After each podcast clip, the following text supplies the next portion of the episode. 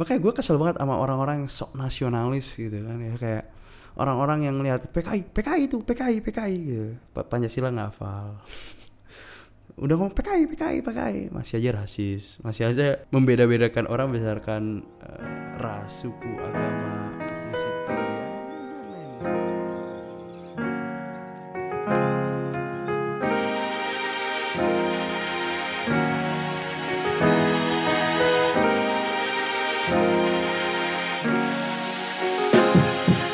Hai everyone, welcome back to pada suatu ketika episode 44 Gimana kabarnya semua? Gimana kabarnya semua? Hopefully baik-baik saja ya. Ya, minggu lalu kita udah ngomongin tentang sesuatu yang sangat penting menurut gue. Bertepatan dengan 17 Agustus uh, Gue ngerilis podcast mengenai sumber daya manusia di Indonesia. Sumber daya manusia di Indonesia tuh kenapa sih selalu dikatakan kurang? Nah, gue kasih penjelasannya di podcast minggu lalu. Nah, untuk podcast minggu ini topiknya menurut gue lumayan menarik. Ya obviously menarik lah. Kalau nggak menarik ngapain gue bawain ya kan ya? Minggu ini gue pengen ngomong tentang kasus yang lagi gede banget di Indonesia. Gue yakin lu pada udah denger udah tahu gue bakal bawain apa berdasarkan judulnya. Oke mungkin enggak karena judulnya biasanya ambigu-ambigu gitu kan. But yes kita eh, minggu ini bakal ngobrol tentang Papua and what happened in Indonesia. And ya everything about it lah. Dan gue yakin banyak dari lu pada sekarang yang ngerasa kayak kasusnya apa sih? Gue aja nggak even tahu. Anjir sampai lu nggak tahu sih. Itu keterlaluan cuy. But yeah for those of you yang udah tahu kasusnya gimana tapi lu pada pingin denger tanggapan gue mengenai hal itu totally welcome totally welcome. Lu pada bisa dengerin podcast ini. Jadi buat lu yang nggak ada gambaran yang masih skeptic as fuck lu pada juga welcome. Karena gue bakal ceritain dari awal sampai akhir terus gue kasih tanggapan. So ya yeah, pada suatu ketika alright jadi pada suatu ketika minggu lalu minggu lalu kan ya. Minggu lalu tuh ada berita gede banget yang di mana mahasiswa Papua mereka sedang dalam masalah. Masalah pertama tuh ada di Malang. Masalah kedua ada di Surabaya. Sedihnya dari permasalahan ini adalah bertepatan dengan masalah yang terjadi beberapa hari kemudian which is like few days ago itu tuh Pak Jokowi mengumumkan ibu kota baru udah fix tempatnya kalian udah tahu juga kan ya di mana. Yang ngebuat berita tentang Papua ini jadi kayak nggak segede yang seharusnya gitu loh. Emang bener ada kayak konspirasi teori yang bilang oh ini cuman karena uh, Jokowi pingin namanya nggak jelek makanya dia langsung announce segera biar berita yang Papua tuh nggak gede. I mean like it's it's good and bad. The bad thing about it ya jadi kayak kita menutup-nutupi berita yang asli gitu loh. And the good thing about it, apinya nggak menyala-nyala. Tapi sama aja dengan lu nggak nyalain apinya, berarti lu ngeredam demokrasi, right? Menurut gua kasus Papua sekarang ini sama dengan kasus Hong Kong dan China. Nah, kenapa? Kenapa? Apa hubungannya cuy? Apa hubungannya? So, ya, yeah, for those of yang kebingungan sekarang, lu pada bisa tenang karena gua bakal ceritain sekarang. So, kita mulai dari kasus yang pertama, yaitu adalah kasus yang Malang. Jadi pada tanggal 15 Agustus kemarin, ada sekumpulan mahasiswa Papua di Malang. Mereka mengadakan demo, mereka mengadakan mengutarakan isi hati mereka, mengutarakan uh, ide-ide mereka. Mereka menentang perjanjian New York atau New York Agreement, yaitu adalah perjanjian antara Belanda dan Indonesia yang terjadi di New York pada tahun 1962, 15 Agustus. Men, itu peraturan apa sih? Gue yakin lu pada nggak ada yang even tahu gitu. Jadi uh, New York Agreement itu isinya adalah penyerahan Papua Barat ke Indonesia. Oke. Okay. Jadi ini sama aja kayak Hong Kong diserahin dari UK ke China. It's the same thing gitu loh. Tapi waktu itu gue gue gue belum baca sih technically yang yang Hong Kong kayak gimana. But yang di Indonesia itu harusnya mereka mengadakan referendum dulu dong. Tapi instead of that Belanda langsung kasih aja gitu loh. Kayak kayak man what the hell? Kenapa gue dikasih ke Indonesia? I don't even wanna be Indonesian gitu loh. Jadi itu loh yang mereka sebenarnya lagi demoin kan. Mereka yang uh, gue bisa bilang kayak gak setuju itu di situ gitu loh. Adapun referendum kalau nggak salah tuh waktu itu ada seribu orang yang agree tapi seribu orang pun itu kayak udah di influence sama the government dan seribu orang itu terlalu sedikit gitu loh menurut mereka. Harusnya lebih banyak lagi dan orang-orangnya nggak dipilih itu itu aja gitu loh. Jadi New York Agreement mereka nggak setuju banget dan mahasiswa Papua Barat ini mereka uh, menentang hal itu. Oke? Timbullah tuh di tengah-tengah waktu mereka lagi berorasi mereka lagi mengutarakan pendapat mereka preman-preman uh, orang-orang lain yang melempar batu segala macam dan terjadi kerusuhan. Right kasus Malang ini nggak nggak cuma di situ doang gitu loh. Jadi kita kita kita pause aja di sini.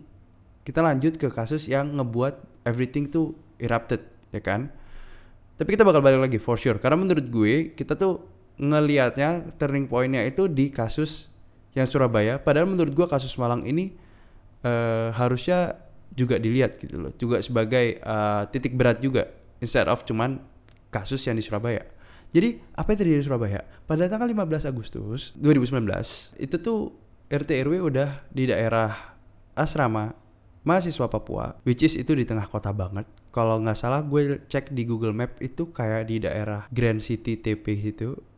Kalau pada nggak tinggal di Surabaya, itu tuh mungkin di Jakarta kayak Tamrin Sudirman SCBD situ di tengah kota. Nah, mereka udah dikasih tahu sama RT RW menghimbau untuk memasang bendera, oke? Okay? Tapi kan memasang bendera itu merupakan himbauan. Karena emang nggak ada undang-undang yang ngomong lu harus pasang bendera pancang pakai tiang pada tanggal 17 Agustus kan.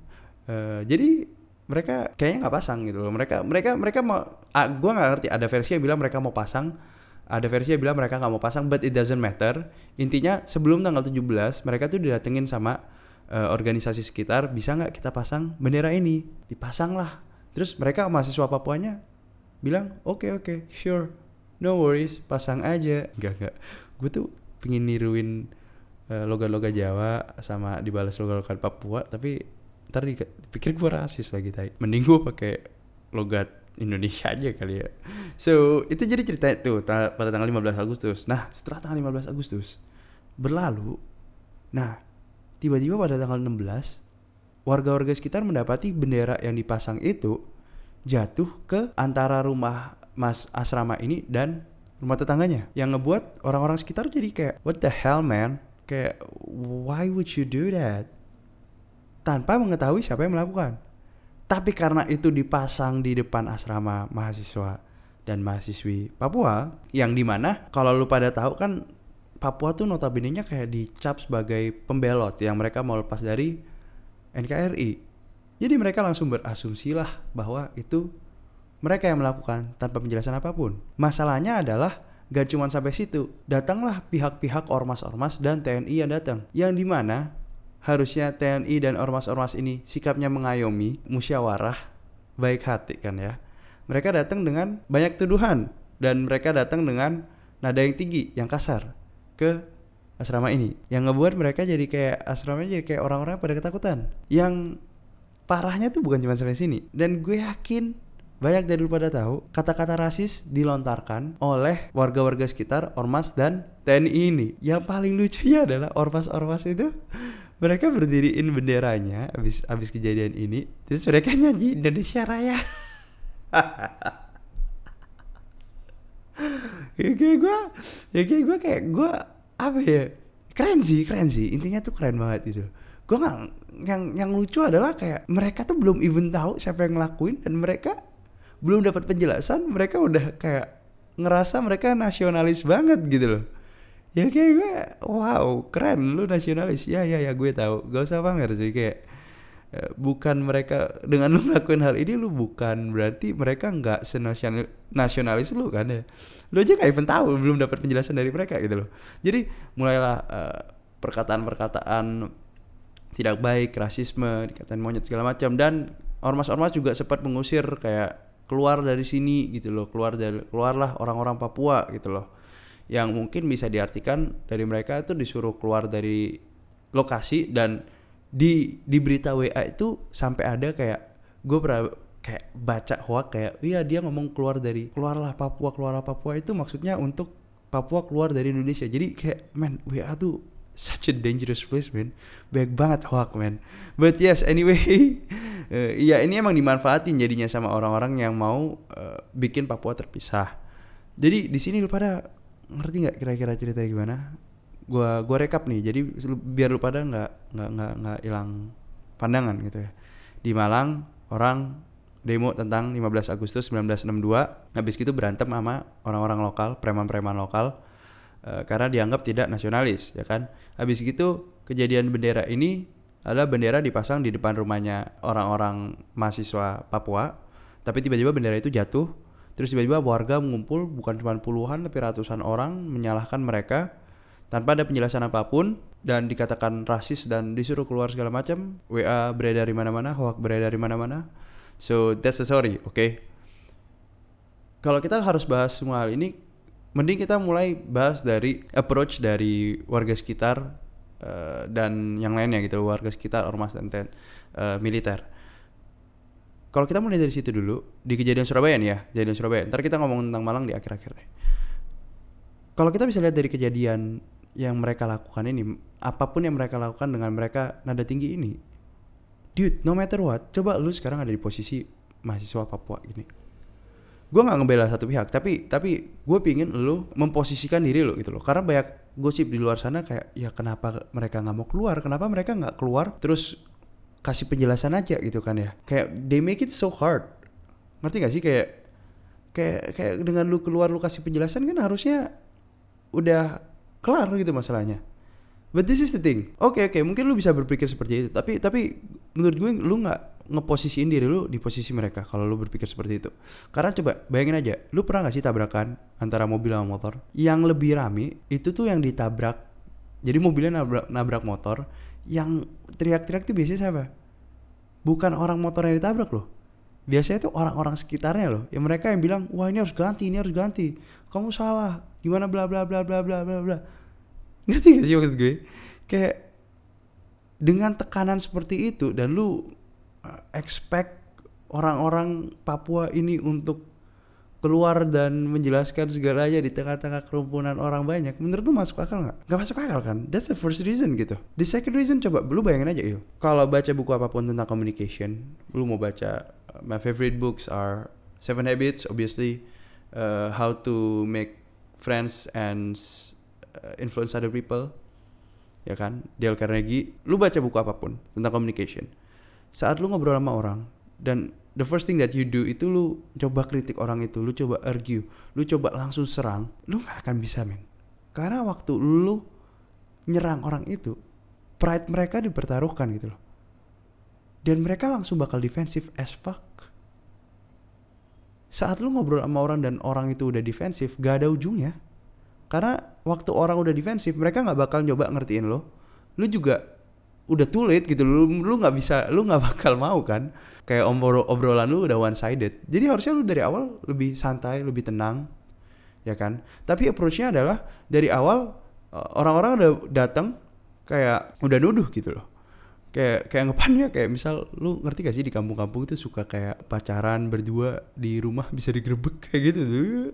Kan mereka biasanya datang udah langsung masa banyak yang ngebuat lo ada feel kayak men gua salah men ngerti gak sih? Kayak kayak, kayak tiba-tiba asrama Papua gitu mahasiswa Papua tiba-tiba datengin langsung puluhan ratusan orang dikecam.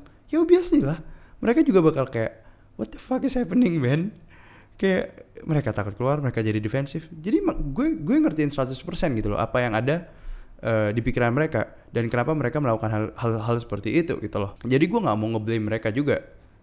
Dan dan ini masalah sebenarnya oke okay, uh, eh, mungkin masalahnya cuma di komunikasi. Kalau komunikasinya lebih benar ya udahlah ya salah paham gitu. Tapi the fakta part itu tuh bukan cuma di daerah sini cuman bukan cuma di bagian ini. The fakta part itu tuh sewaktu mereka mulai merasisin melontarkan kata-kata rasis ke orang-orang Papua ini. Mereka memanggil orang-orang Papua ini dengan sebutan-sebutan binatang. Dan mereka menggunakan satu kata yang menurut gue itu satu kata ultimate yang harusnya nggak diucapin men. Yaitu mereka memanggil orang Papua ini monyet. Mungkin lu pada banyak yang kayak ngerasa kayak aduh cuma dikatain monyet kenapa lu lebay banget? Gitu. Uh, some of my friends mereka juga actually kita ngobrol over the weekend tentang hal ini dan mereka juga kayak men itu cuma dikatain monyet. Kayak terus kenapa? Gitu loh Uh, apparently buat lu pada yang nggak ngerti kata-kata monyet, kata-kata monyet itu biasanya adalah kata-kata rasis yang paling parah untuk black people. Gue sendiri waktu gue pertama kali ke gak usah pertama kali ke Surabaya gitu tapi menurut gue gue dari kecil sampai gede gue sering banget denger orang ngomong kayak gini kayak uh hitam banget men itu orang. Biasanya ini targetnya African American gitu. Hitam banget men tuh orang kayak monyet gitu dan orang-orang Papua mereka tuh well aware gitu loh. Mereka lumayan kayak itu ofensif banget untuk mereka ngatain mereka monyet. Karena mereka tahu gitu loh itu kata-kata yang sering dipakai untuk menghina mereka. And they fucking said it gitu. Mereka ngomong dan panggil orang-orang Papua itu monyet. Hei kamu monyet keluar anjing bla bla bla bla bla. Sedih sih sedih sih sedih sih. Untuk uh, usia kita yang 74 tahun tapi kita uh, masih belum bisa mempersatukan Indonesia gue lumayan kecewa aja gitu. Kayak sama aja lu mencoba memecah belah uh, negara lu sendiri dan apalagi yang ormas ormas itu ya. Lu mencoba memecah belah negara lu sendiri terus lu nyanyi Indonesia Raya terus hormat ke bendera itu what's the point man? Sila ketiga aja itu loh persatuan Indonesia tapi lu sendiri nggak bisa eh, melakukan sila ketiga itu. Jadi kayak lu mau kayak kayak apa gini nih? Lu ngomong ke pasangan lu aduh aku cinta kamu sampai mati aku cinta kamu. Tapi lu selingkuh lu bohong ya. cuman lu banyak ngomong tapi nggak ada tindakan kayak sama persis sama orang-orang yang di Malang gitu menurut gue. Mereka lagi pingin menjunjung tinggi demokrasi yang di mana semua orang ada hak-hak kebebasan untuk mengutarakan apa isi hati pikiran anything yang unek-unek mereka tapi malah dilemparin batu karena tidak cinta negara. Jadi siapa sebenarnya yang tidak cinta negara? Makanya gue kesel banget sama orang-orang yang sok nasionalis gitu kan ya. Kayak orang-orang yang lihat PKI PKI itu PKI PKI gitu. Pancasila nggak hafal. Udah ngomong PKI PKI PKI masih aja rasis. Masih aja membeda-bedakan orang berdasarkan uh, ras suku agama ethnicity ya lain lain antar golongan sara gitu kan. Nasionalis itu bukan cuma dari kayak lu bertingkah sesuatu tapi menurut gue lu juga harus apply nilai-nilainya dalam hidup lu. Dan di sini menurut gue kejadian pada tanggal 15-17 Agustus kemarin ini kejadian ini obviously itu kejadian unfortunate banget gitu loh. Kalau tapi kalau kita bisa ngambil positifnya adalah dengan adanya kejadian ini kita jadi lebih tersadar gitu. Percuma kita 74 tahun tidak ada perang tapi dalam hati kita kita masih ngerasisin satu sama lain. Kita nggak bisa ngeliat semua orang jadi satu negara, satu bangsa gitu loh. That's the sad part about it gitu. Jadi kita balik lagi ke kejadian yang Malang kan ya. Jadi habis kejadian Surabaya ini iraplah semua itu. Mulailah orang-orang di Papua yang udah mulai digandeng, mulailah mereka membenci Indonesia semakin lebih dan lebih dan lebih dan kejadian banyak demo dan rusuhan di Papua akhirnya kan ya? Uh, kalau kita kembali lagi ke kejadian Malang ini sebenarnya kejadian Malang ini kalau gue bisa ngomong tentang kejadian 15 Agustus 1962 ini kenapa gue tadi bilang ini sama kejadian sama Hong Kong yang tadi gue ceritain kayak flownya kayak gimana? Menurut gue gue kasihan sih sama orang-orang Papua gitu loh. Menurut gue gue kasihannya kenapa? Karena lu bayangin aja nih mereka nggak ada pilihan buat mereka lepas dari Indonesia. Kalau lu tanya detik ini tanya ke gue gitu apakah menurut lu Papua harusnya lepasan dari uh, Indonesia? Kalau gitu kan namanya lu pro perpecahan negara kan ya? Gue nggak pro ke perpecahan negara gitu loh. Gue nggak pro buat mereka lepas dari Indonesia itu menurut gue yang harus direvisi itu adalah hati setiap warga Indonesia. Karena kenapa?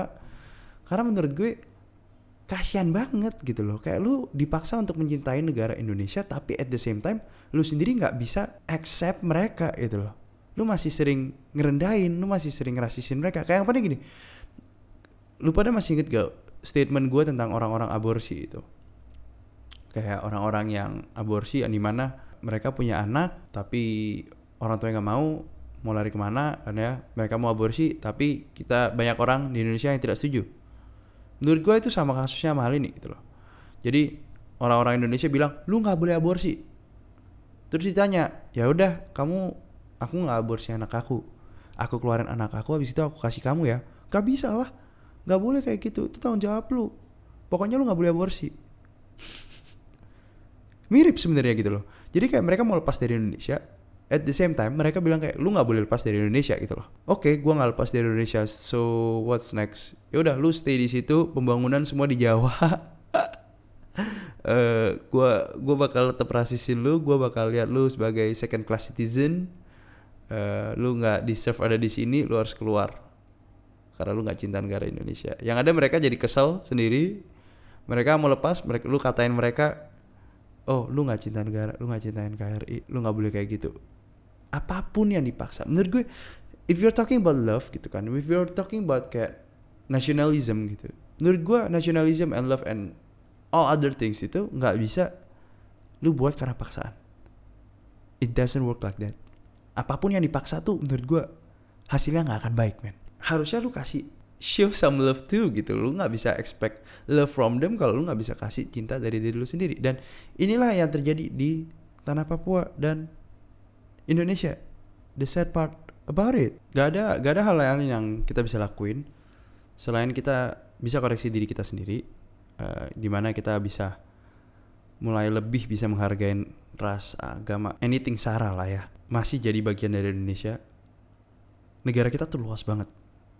Berbagai macam suku bangsa ada di negara ini. Dan uh, menurut gue udah saatnya kita reformasi kalau bisa jangan cuma lu doang gitu yang berubah lu harus bisa influence other people. And to be completely honest gue setuju banget.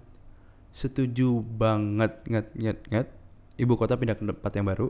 Karena menurut gue kenapa? Uh, dengan pemindahan ini mungkin secara segi ekonomi bla bla bla bla bla banyak gitu tapi ada satu hal yang menurut gue uh, bakal lebih affected yaitu adalah diversity yang di mana kalau dulu semuanya tersentralisasi di Jawa gitu kan ya. Jadi banyak pendatang semuanya ngumpulnya di Jawa gitu. Tapi sedangkan daerah lain tuh kurang diverse gitu loh orang-orangnya. Diversity levelnya tuh masih rendah.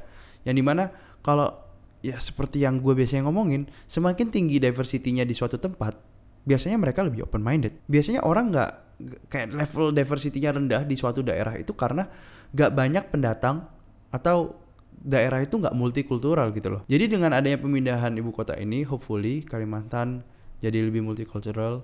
Jadi nggak cuma di Jawa doang. Sekarang kita punya dua pulau gede yang uh, multikultural. Jadi ya hopefully in the future Indonesia bakal jadi lebih baik lagi bukan cuman kayak umurnya panjang ya Indonesia 74 tahun gitu loh tapi sama aja bohong kalau sila-sila ideologi negara tidak diterapkan so ya yeah, that's it guys halo semua thank you banget udah dengerin PSK Podcast sampai akhir. Ya di kesempatan kali ini gue mau ngucapin thank you banget buat lu pada yang pendengar baru. Actually though banyak banget men yang follow gue minggu lalu. Um, but unfortunately banyak dari lu pada cuma ngefollow and then mm, and then what? That's it.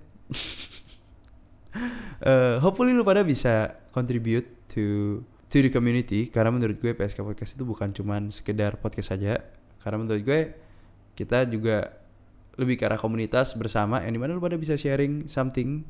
Obviously every weekend gue ada kayak semacam tanya jawab and last week kita sharing masalah skill kita satu sama lain yang kita mau achieve this year. Weekend ini ya gue lupa tuh cuy. Weekend ini kayak kita gue bakal kayak kasih kuesioner tentang buku-buku yang lupa dari komen and hopefully bisa berguna buat community so yeah don't forget to follow PSK podcast and contribute that's the most important part ngapain follow kalau cuman ngeliat aja ya nggak apa-apa sih sebenarnya cuman it's better if you spread your positive influence to other people ya nggak sih So yeah, don't forget to follow and I'll see you guys next week, I guess. Kita bakal ngomong tentang love. Pasti seru, gue amin. So yeah, I'll see you guys next week and see ya.